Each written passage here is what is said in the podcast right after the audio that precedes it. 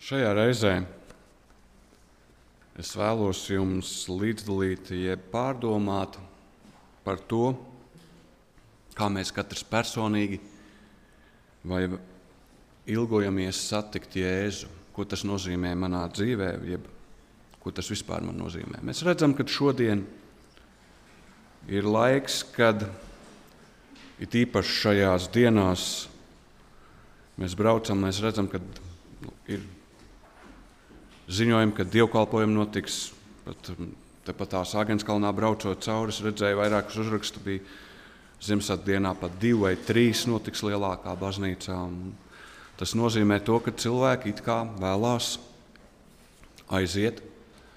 Vismaz laikam vienreiz gadā, varbūt tās citas, varbūt vairākas reizes, un kaut kā pēc kaut kā ilgojās, kaut ko sadzirdēt. Vai tās ir šīs skaņas, mūzika, um, atmiņas. Un bieži vien šie dievkalpojumi tā, nu, ir tādi tagad izsmalcināti ar mūziku, ar romantisku tādu noskaņu, kad ir iz, izgreznots un skaisti. Un man jau radās jautājums, no kurienes šīs ilgas ir radušās.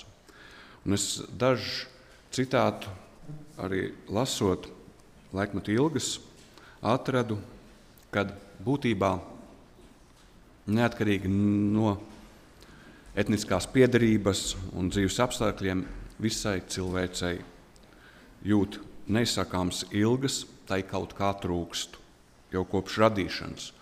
Dievs cilvēkā tā ir ielicis, ka cilvēks nav apmierināts ar šo pašreizējo stāvokli un sasniegumiem, lai arī kādi tie būtu. Dievs vēlas, lai cilvēks meklē labo un atrod to tādējādi gūdams savai dzīvei, dvēselē, svētību, kas saglabājās mūžīgi. Un turpretī Sātans arī darbojās, un viņš ar šiem viltīgajiem paņēmieniem šīs cilvēks sirds ilgas ir izkropļojis. Un viņš panāk, ka ļaudis tic, ka tās var remdēt šīs ilgas izpriecās, bagātībās, bezrūpībā, slavu vai ar varu. Un, diemžēl šādi pievilti ir ļoti daudz un milzīgi daudz cilvēku. Un mēs pat Bībelē to varam lasīt, kad arī kad Salmans bija gudrs, viņam bija apveltīts ar īpašu gudrību. Viņš piedzīvoja gan to, ka viņam bija liela bagātība, pēc tam viņš šīs atziņas. Tas viss bija tiekšanās pēc kaut kā, ko viņš varēja sasniegt cilvēcīgi, tas neko viņam nedēļa. Un arī šodien mēs sastopamies ar cilvēkiem, kas ir piedzīvojuši varbūt savā laicīgajā dzīvē, šajā ikdienā ļoti liels sasniegums, vai arī bieži vien vairāk mēs to redzam, ka tas ir bagātu vecāku bērniem, kad viņiem it kā viss pietiekošs, viņiem nekā netrūkst. Bet viņi piedzīvo dvēseles tukšumu un neapmierinātību. Neapmierinātība un bieži vien pat daudz šādu cilvēku izdara pašnāvības. Bet kāds ir Dieva nodoms? Un kāds ir viņa nodoms šiem cilvēkiem, šim sirds ilgām, pēc kā tiekties? Un kas vienīgais spēj apmierināt tās? Un būtībā tas ir vienīgais, kas spēj piepildīt, tas ir šī Jēzus klātbūtne. Piepildījums ir Jēzus Kristus mūžīgā Dieva dēls. Visai Dieva pilnībai lapa tika iemājot viņā.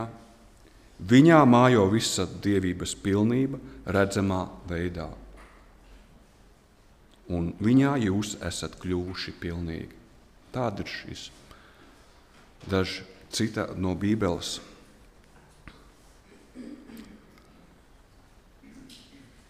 Jautājums, mums katram personīgi, pēc kā mēs ilgojamies. Pēc šiem mirkļiem, kas ir skaisti vai kas ir ātri pārējoši, vai patiesi satikt Jēzu un piedzīvot to savā dzīvē, kad izmaina viņš manu sirdi. Un šeit mums noteikti palīdz to tuvāk iepazīt un saprast tieši, kad Jēzus nāca uz šo zemi, dzīvoja šeit. Un viens noteikti notikums, ko arī mēs lasām Bībelē, tas ir rakstīts Lukas evanģēlī otrajā nodaļā, kad Jēzus bija piedzimis un bija pagājušas vairākas dienas, kad viņu vecāki aizveda viņu pirmo reizi uz šo templi, uz šo dievnamu. Un tur ir pieminēts, ka viens vār, vīrs vārdā Simeons ienāk dievnamā un viņš redz šo ģimeni, kas priesterim ir atnesuši savu pirmdzimto dēlu. Viņš skatās, kad viņi ir šādi nabadzīgi. Bet Sīmans saprot svētā gara brīdinājums, un viņi dziļi saviņo atklāsmi, ka kunga priekšā atnestais bērns ir Izraēla iepriecinātājs. Tas, kuru viņš tik ļoti bija ilgojies redzēt. Un Bībelē tur ir aprakstīts otrajā nodaļā, Lukas evanģēlijā, kad viņš paņem šo mazo bērnu rokās, paceldams pret debesīm, viņš saka, Kungs, lai nu tavs kalps aiziet mierā, kā tu esi sacījis, jo manas acis ir redzējušas tavu pestīšanu, ko tu esi sataisījis visiem ļaudīm, gaismu, apgaismot pagānus un par slavu savam Izraēla ļaudīm.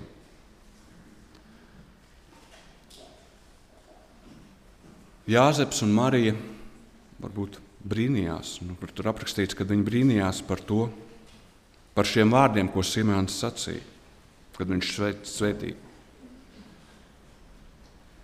Un tur arī ienāca šī pravieta Anna, arī apstiprināja šos Simona vārdus. Un šeit parādās, kad šie pazemīgie dievlūdzēji, šie cilvēki, kā Simons un Anna, Viņi bija pētījuši šos rakstus, viņi bija pētījuši un ilgojušies par šo mesiju, kas nāks, un viņi, kad viņu ieraudzīja, svētais gars, viņš pamudināja un pārliecināja, ka tas ir īstais. Liekas, ka nu, kā tā varēja būt, bet šeit Bībelē ir aprakstīts, ka viņi precīzi, nekļūdīgi saprata to. Tāpat arī tas arī ir šodien. Varbūt reliģiskie vadoņi un dievnam apmeklētāji nesaredz notikumus, kas atrodas visu debesu uzmanības centrā. Cilvēki atzīst vēsturisko Kristu, bet novēršās no dzīvā Kristus. Kristus, kura vārds aicina uz pašuzupurēšanos, Kristu grūdieņos un cietājos, kas lūdz palīdzību, Kristu, kas iestājas par taisnu lietu, Neskatoties uz nabadzību, grūtībām un izsmieklu, šodien cilvēki ir gatavi uzņemt tikpat maz kā pirms 20 gadsimtiem.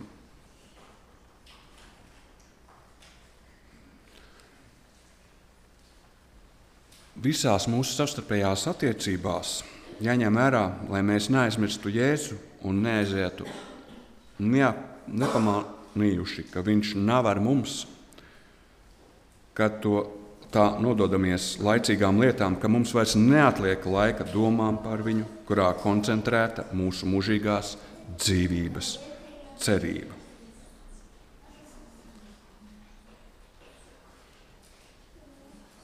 Šīs svētās būtnes nevar palikt tur, kur cilvēki neilgojās pēc pestītāja klātbūtnes, un viņu prombūtnes paliek nepamanīta.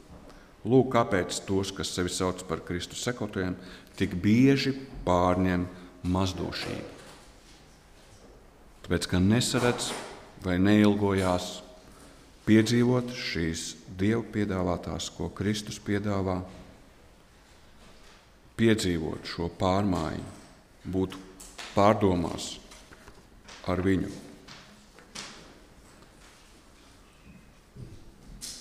Daudzi apmeklē garīgas sapulces, kuru dievvvārds tos atspēcina un iepriecina, bet viņi zaudē svētības, pametot novātā pārdomas, modrību un lūgšanas. Un tad jūt vēl lielāku atstātu, atstātību nekā pirms tam. Tos brieži pārņem jūtas, ka Dievs ir rīkojies pārāk bargi. Tie neredz, ka kļūdas ir viņu pašos. Atšķirdamies no Jēzus, viņi sevi ir izslēguši no pestītāja klātbūtnes gaismas. Un ir ieteikums mums, lai mēs nepiedzīvotu šādu vilšanos vai zaudējumu, kad mēs katru dienu kādu stundu pavadītu, pārdomājot Kristus dzīvi. Mums to vajadzētu aplūkot posmu pa posmam, ļaujot iztēlēji uztvert katru ainu sevišķi viņa dzīves ainu pēdējās dienās. Kad mēs tā kavēsimies pie viņa lielā,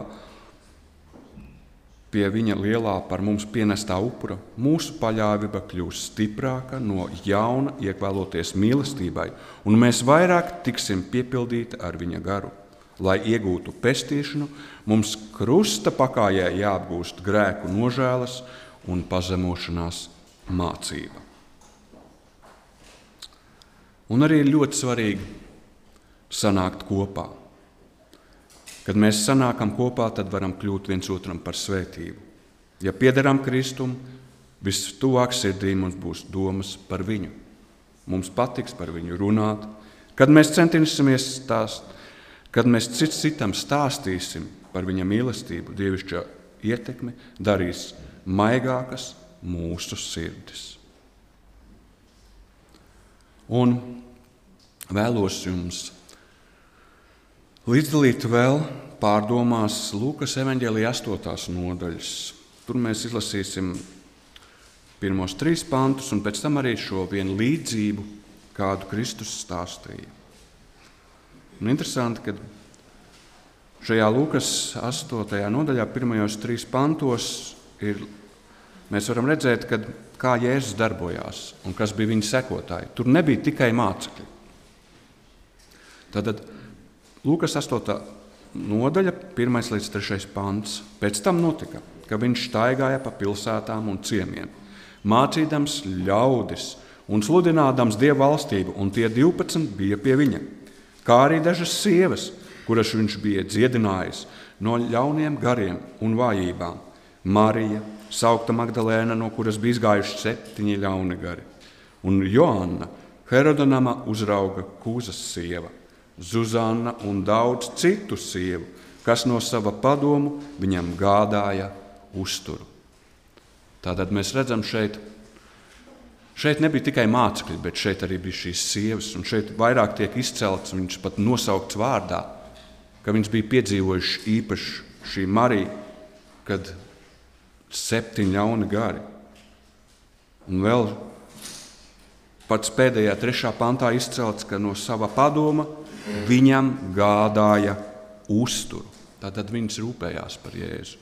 Un arī vēl turpat lasot, pirms tam, man liekas, septītā nodaļa bija, kur Jēzus īst, īpaši izcēla arī šīs Marijas um,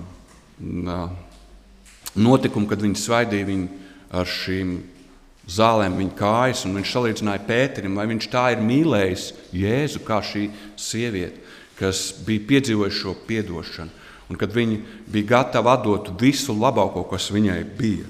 Un šeit arī Jēzus izceļ, še, Lūkas izceļ to, kā Jēzus darbojās, un ka tur nebija tikai mācekļi, bet arī šīs sievas bija tās, kas sekoja līdzi. Un interesanti, ka, ja mēs Bībelē lasām, kas pirmās uzzināja par šo vēstu, kad viņš ir augšām cēlies. Arī tur bija šīs sievas, kas gāja aplūkot šo kapu, un viņas piedzīvoja to, kad sastapās ar eņģeli un viņš paziņoja šo vēstu. Un kas piesaistīja Jēzus pie Jēzus šos mācekļus vai šīs sievietes? Jēzus savus mācekļus piesaistīja ar savu jauko raksturu, ar savu personīgo klātbūtni, ar iejūtības un sapratnes pieskārienu visās viņu grūtībās un vajadzībās, kā arī vienkārši ar draudzīgu attieksmi. Kristus veidoja viņu raksturus, zemes lietas, nomainīdams ar debesu lietām, sautību ar pašaizliedzību, šausmīgu neizpratni un aizspriedumus ar plašām zināšanām un dziļu mīlestību pret visu tautu un rasu cilvēkiem. Tāds bija Jēzus. Mēs to redzam, kad arī viņam sekoja šie cilvēki. Un vai jautājums ir šodien mums, vai esam arī mēs gatavi doties pie Jēzus, lai piedzīvotu to, un arī piedzīvojot to, ka mūsu sirdīs ir notikušas šīs pārmaiņas, piedzīvot arī mēs savā draudzē, kad mēs esam gatavi palīdzēt, ieraudzīt, sanākt kopā, būt vienotiem par šīm lietām un liecināt par to, ko Jēzus ir darījis mūsu dzīvēm.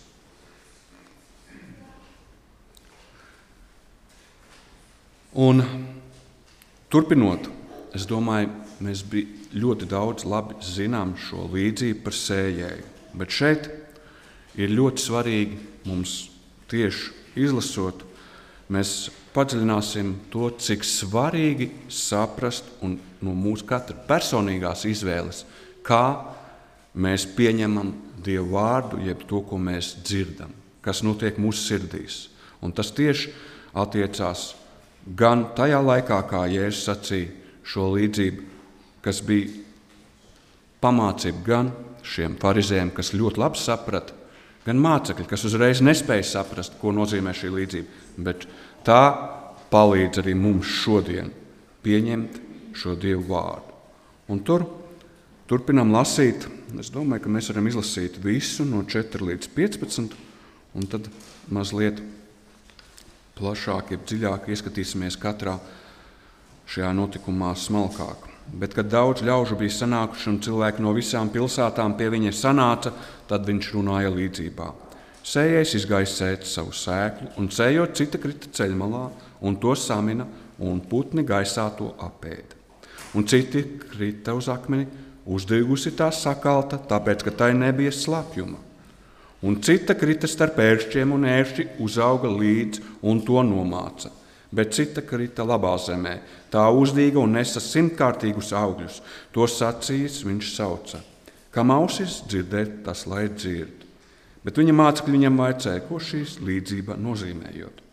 Bet viņš sacīja, ir jums dots zināt Dieva valstības noslēpumus, bet pārējiem līdzībās, lai tie redzēdami neredz un dzirdēdami nesaprot.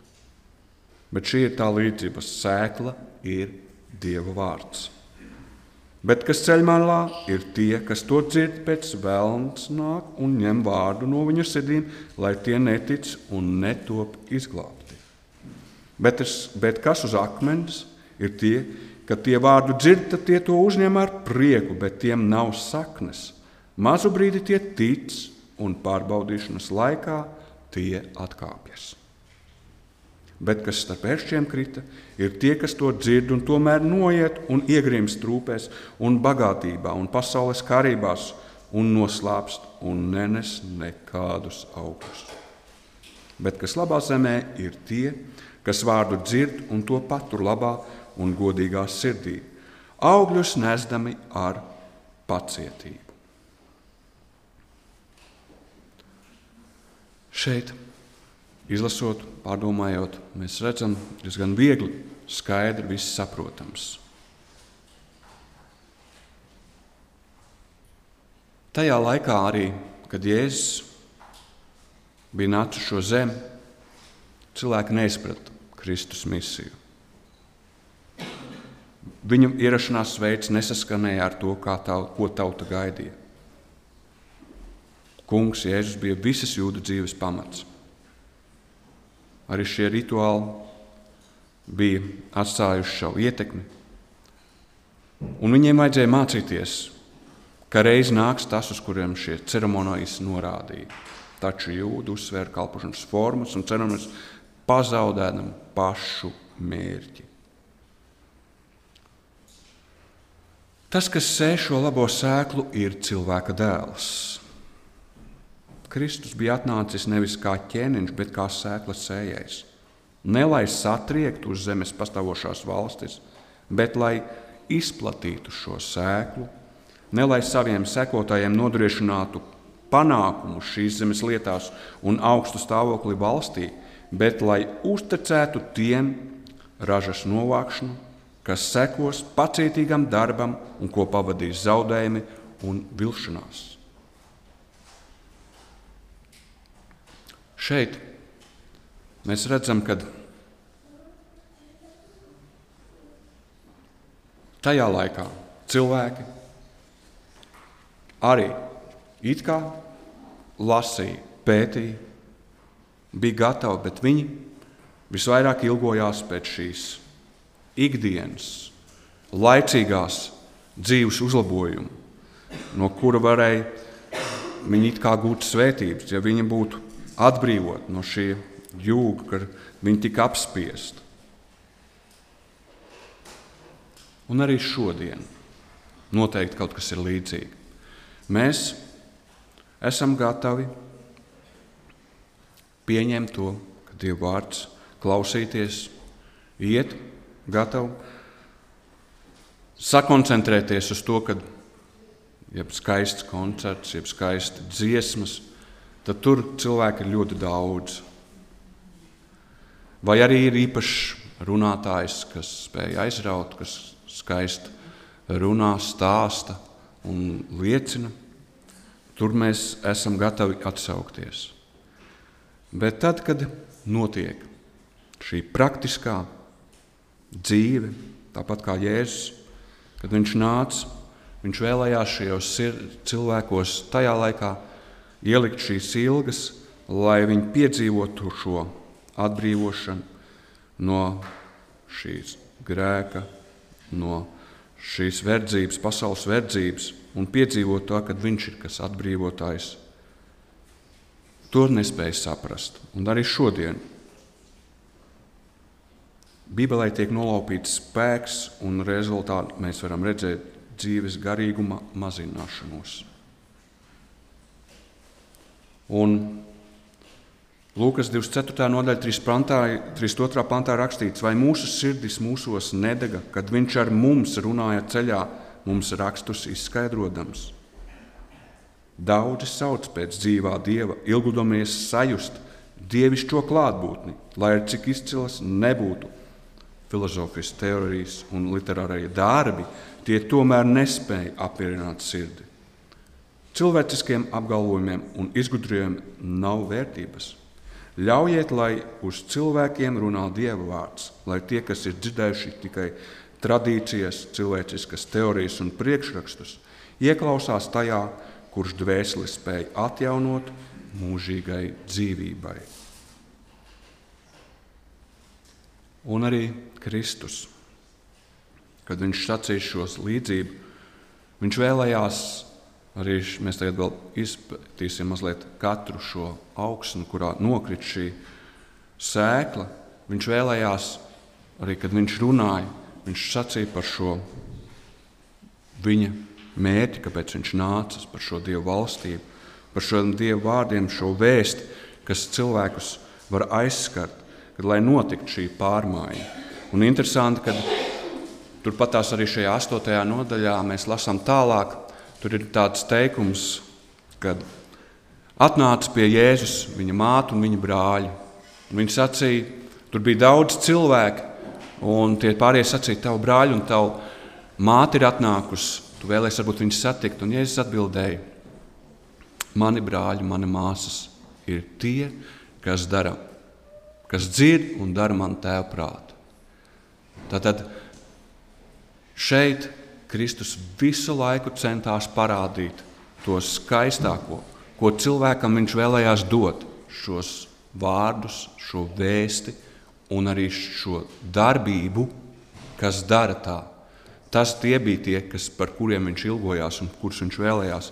Arī šos vecākus viņš, protams, mīlēja, un arī šos brāļus. Arī viņi pēc tam, kad šis eh, nu, notikums bija noticis, kad Jēzus jau tika piesists krustā, pēc tam arī viņi varēja darboties. Tad daudz arī šie mācekļi pieņēma tikai un pilnībā saprata šo Dievu patieso.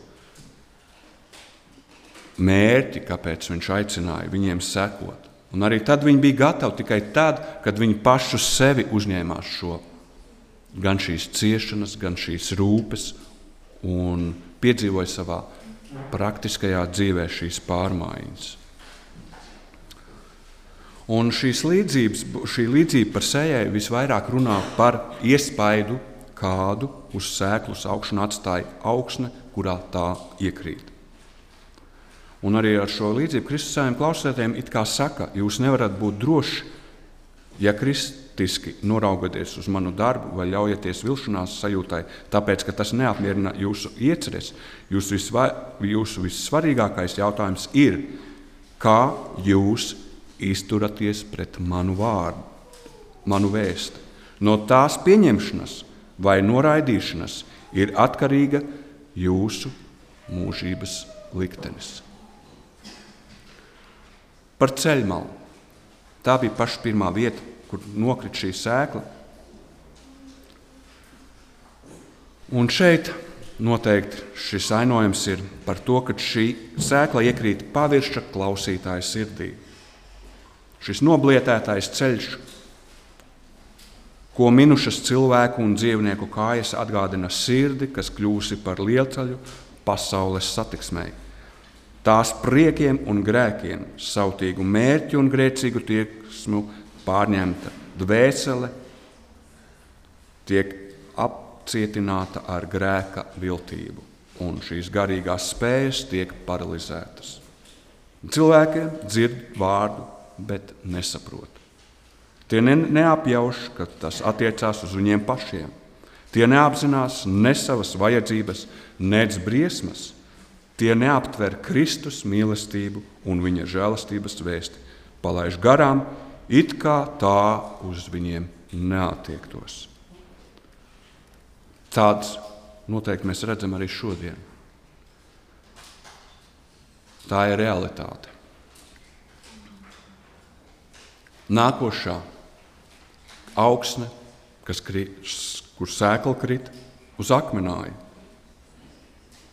Un šeit mēs redzam, ka arī pats Jēzus sacīja, tie, kas vārdu dzird un tūdaļ to ar prieku uzņem, bet viņiem nav saknes sevī un viņš ir nepatstāvīgs.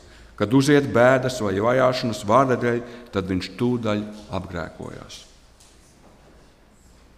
Un šeit mēs arī paši dabiski varam redzēt, ka uz akmeņainas zemes akmeņa šī sēkla ir šeit augsne ir ļoti maz.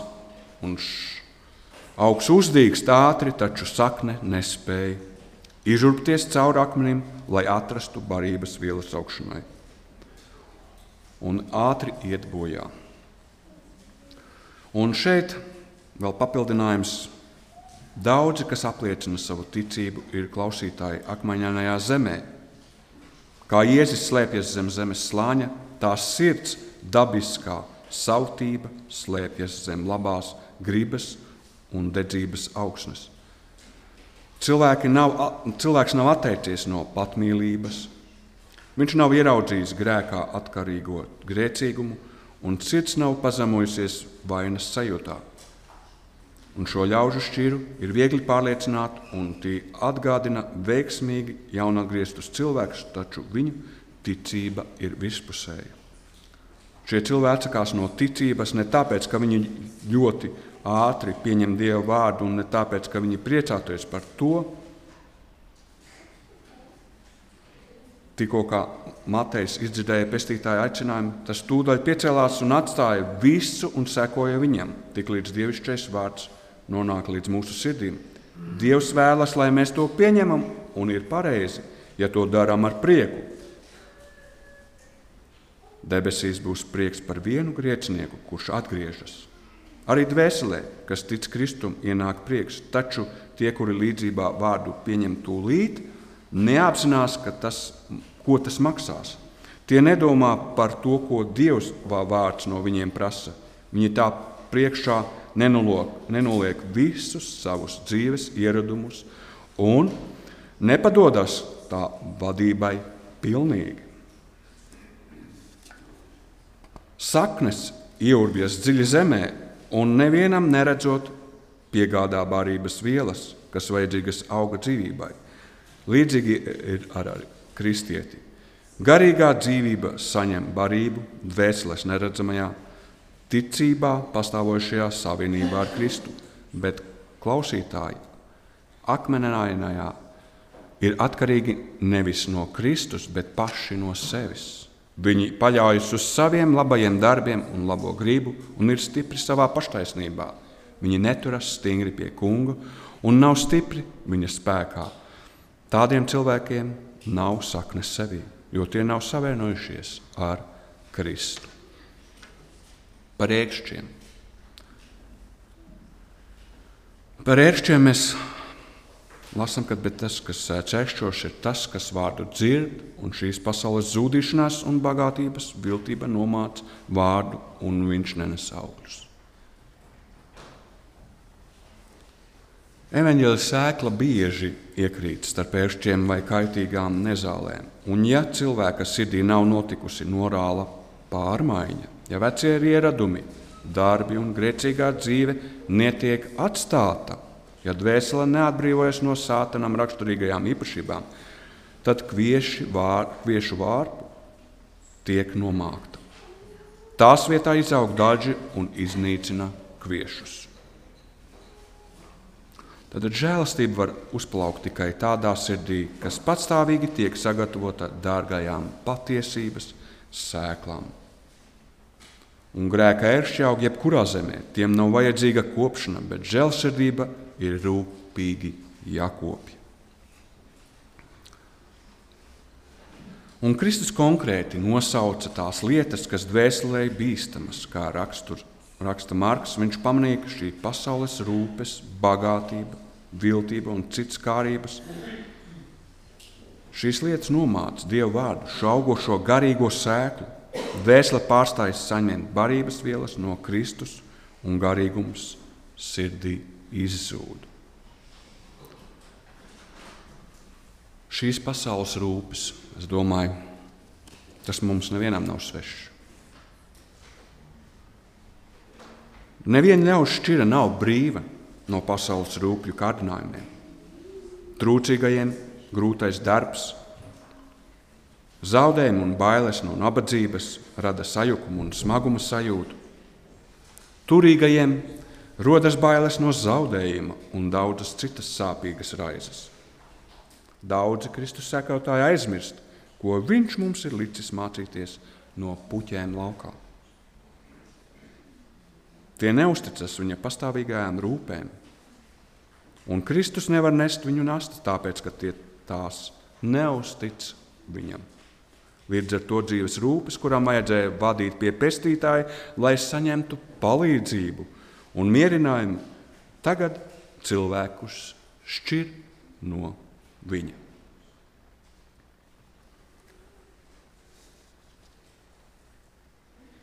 Augsnes sagatavošana. Līdzībā par sēju Kristus atklāja dažādus sēšanas rezultātus, kas ir atkarīgi no augsnes.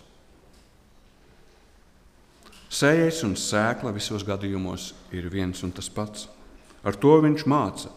Ja Dieva vārds nepaveic savu darbu mūsu sirdīs un mūsu dzīvē, tad cēloni jāmeklē mūsos pašos. Šis rezultāts nav ārpus mūsu kontroles. Tiesa, mēs sevi nespējam izmainīt, taču mums pieder izvēles iespēja. Un mūsu varā ir noteikt, par ko kļūsim. Ar ceļmalu, akmeņaino zemi un ērkšķaino zemi salīdzinātājiem, klausītājiem nav jāpaliek tādā stāvoklī. Dieva gars vienmēr cenšas pārtraukt neprātīgo kaislību valdzinājumu, kas cilvēkus notur pasaulīgas lietu varā Viņš modina vēlēšanos, iegūt nezudošas vērtības. Neuzmanīgi vai nevīžīgi pret Dievu vārdu cilvēki kļūst tad, kad tie pretojas garam. Viņi paši ir atbildīgi par savām cietajām sirdīm, kas labajai sēklai neļauj iesakņoties, un par pieaugumu ļaunumā, kas nomāca tās attīstību. Sirdsdārs ir jāapstrādā. jauksne ir jāuzplēš, dziļā nožēlā par grēku, ar saknēm ir jāizrauj indīgie sātaniskie augi, zeme, kura reiz ir aizaugusi ar dažiem, no jauna apgūstama tikai ar čaklu darbu. Dabiskās sirds ļaunās tieksmes iespējams pārvarēt tikai ar nopietnu piepūli Jēzus vārdā un spēkā. Ar pravieša starpniecību kungs mūs skubina. Uzariet sev jaunu plēsmu savā sirdī un nesējiet ēkšķus. Tāpēc sejiet taisnību, tad jūs ļausiet mīlestību. Jeremijas 4. nodaļas 3. pants un Kozēs 10. 12. Tātad Jēzus mūsos vēlās padarīt šo darbu un lūdz mūs sadarboties ar viņu. Tāds šis skaistais, it kā vienkāršs līdzība, bet šīs dziļās domas, ko Jēzus vēlējās pasakīt saviem mācekļiem, saviem šiem cilvēkiem, kas vēlējās un ilgojās būt viņa klātbūtnē. Viņš sniedz šos skaistos vārdus, kas lika cilvēkiem izvēlēties. Un arī mums šodien. Mēs šodien varam priecāties par to, ka mums Dieva vārds, Bībele ir iespējama.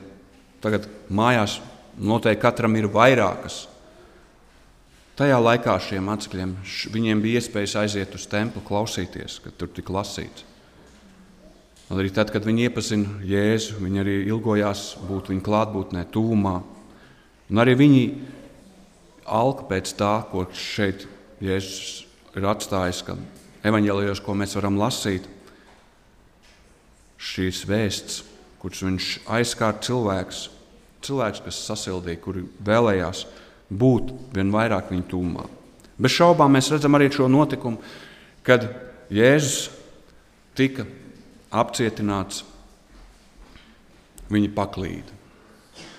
Un arī vēl šajā nedēļā, lasot tieši šo notikumu par to, ka Jēzus tiek apcietināts, un arī jūda, kad viņš redzēja tādas interesantas frāzes, ko es varbūt pirms tam nebija pamanījis, kad jūda bija redzēja, ka neizdodas viņa plāns, kad viņš it kā ir nodevis, un viņš cerēja, ka Jēzus parādīs šo spēku un notiks šī valstība, nodibinās, bet viņš redz, ka viņš padodas un nekas nenotiek. Un viņš redz, ka tagad viņš ir izdarījis kļūdu. Viņš ir gatavs aiziet un viņš it kā nožēlo un met šo naudu, ko viņš bija saņēmis šim pašam priesteri, kas viņam bija devuši, un tie attālinājās no viņa. Un viņš vēl krīt gar, gar zemi un it kā raud, bet tās nebija vairs tādas asaras par to nožēlu, bet viņš tagad saprata, kāds iznākums viņa dzīvē ir. Un interesanti vārdi, kas bija tur minēti, Viņš gāja projām un sacīja: Velti, velti, viss par vēlu. Un viņš aizgāja un pakārās. Tad, tad arī šodien mēs, es teiktu, ka mēs sabiedrībā vai arī kristiešu pasaulē dzirdam šos aicinājumus, Dieva vārds skan, atgriezties, nākt Un kaut kur cilvēkos, man liekas, ir palicis tāds uh, noskaņojums vai tādas domas.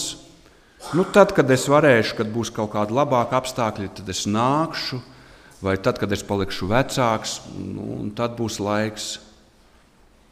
Bet mums Bībelē ir rakstīti arī vārdi, kad noslēgsies šis laiks. Mēs katrs nezinām arī savu personīgo laiku.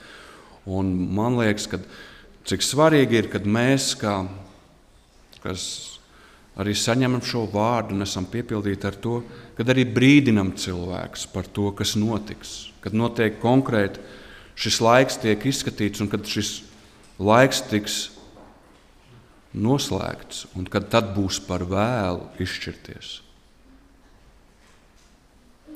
Šo novērtēt to šo vēsti, kas skan. Mazliet es paklausījos vakardienas kristīgo rādio, un arī tur es sadzirdēju to, ka arī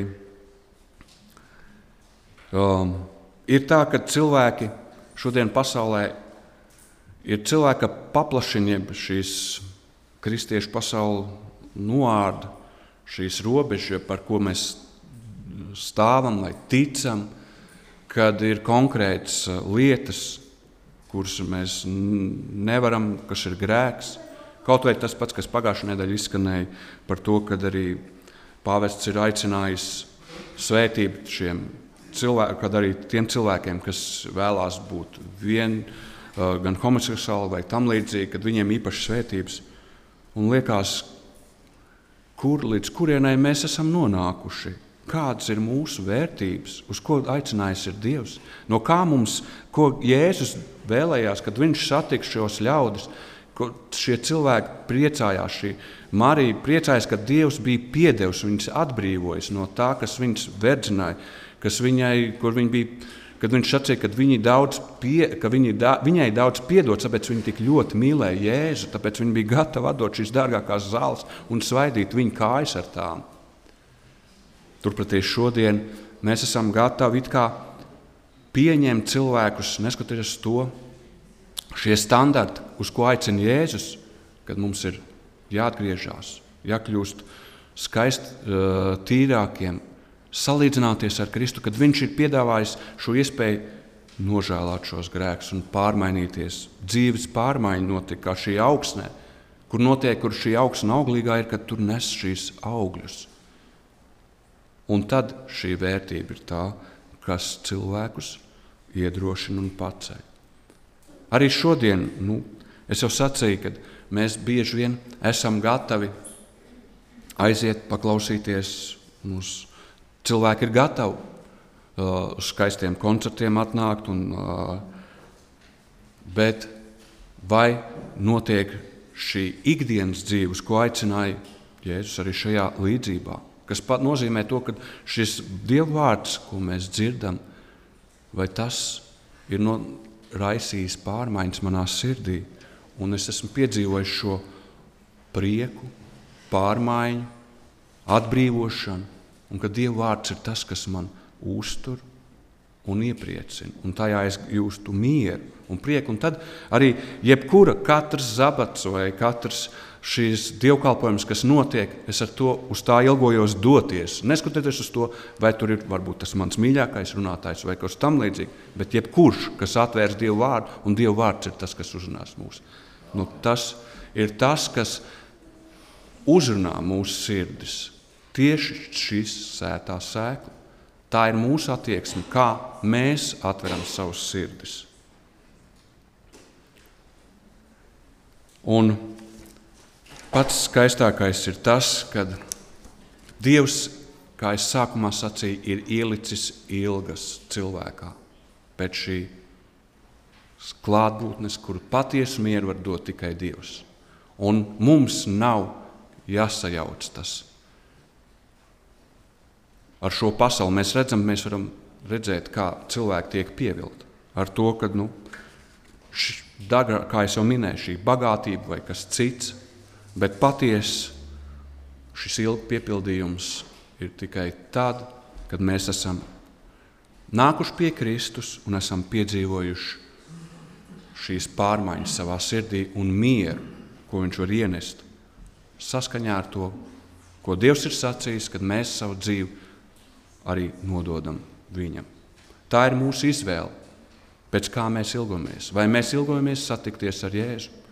Arī pats pats lielākais kulminācijas notikums ir tad, kad viņš nāks otrais uz šīs zemes. Un, ja mēs jau būsim piedzīvojuši šeit šīs pārmaiņas savā dzīvē, tad mums arī mēs jau piedzīvosim to skaistāko, ko viņš var piedāvāt arī tur. Un, ja mēs šodien mīlam šeit, šajā pasaulē, šo grēcīgo dzīvi, tad nekas, ja atnāks arī Jēzus, pēkšņi nekas nevar mainīties. Mums tad noteikti arī šajā jaunajā zemē būs garlaicīgi. Bet, lai tā tas nenotiktu, tāpēc arī mums iepazīstot Dievu, Dievs ir sagatavojis šo iespēju jau iepazīt viņu un ilgoties pēc tā, ko viņš ir piedāvājis. Un arī tad šis piedzīvojums, kad nāks viņš otrais, būs pavisam ar citu vērtību un ar tādu prieku un piepildījumu, kā arī šie mācekļi, kā viņi ilgojās pēc tā, kad viņš atbrīvos viņus šajā un viņi varēs piedzīvot šo laicīgo labklājību. Tāda ir apsolīta tad, kad viņš nāks otrais. Tad arī būs pavisam skaista cita dzīve, bez grēka, bez šīm cilvēcīgajām, nu, kas ir šo pasaulē, kas grēks, kas saist. Bet tas tiks atbrīvots. Un, lai tos tam sagatavotos, mums jau šodien šeit Pēc tā jau jāielgojās un jāiepazīstas. Lai tas arī ir jūsu katra piedzīvojums, un arī mums katram šis iedrošinājums būt pārdomās, kā šeit es minēju, jau bija rakstīts, katru dienu veltīt laiku pārdomām par to, ko Dievs un īpaši Jēzus ir darījis man katra, manā dzīvē un kādas iespējas viņš piedāvā un vai tās es novērtēju. Āmen!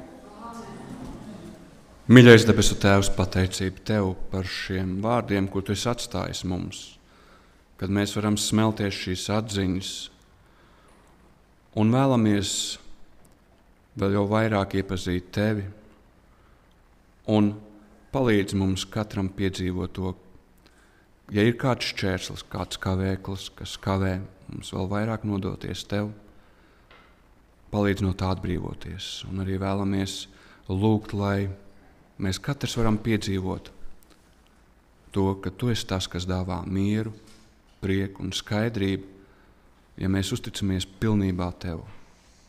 Un arī vēlamies lūgt, kā šajā dziesmā izsacījām, kad ir mums vēl pienākums, kas mums ir jāpaveic, sludinot šo vēstu apkārtnē, kur mēs atrodamies, dāvā mums spēku un arī savu svētā gara vadību un gudrību no augšas, lai mēs varam liecināt par to, ko tu esi darījis mūsu dzīvēm, un arī piedzīvot to, kā tu darbojies, lai šo vēstu sniegt tālāk, un arī pats lielākās ilgas, kas mūsu katra sirdī ir, mēs varam piedzīvot to, ka tu nāks otrais un arī piedzīvot šos mirkļus, lai cilvēki būtu sagatavoti tam. Vēlamies lūgt arī Tavu svētību un vadību arī šajā pēcpusdienā, lai viss, ko mēs vēlamies arī liecinot un slavējot Tevi, notiktu Tev par godu un cilvēkiem par svētību. To lūdzu Jēzus vārdā. Āmen! thank you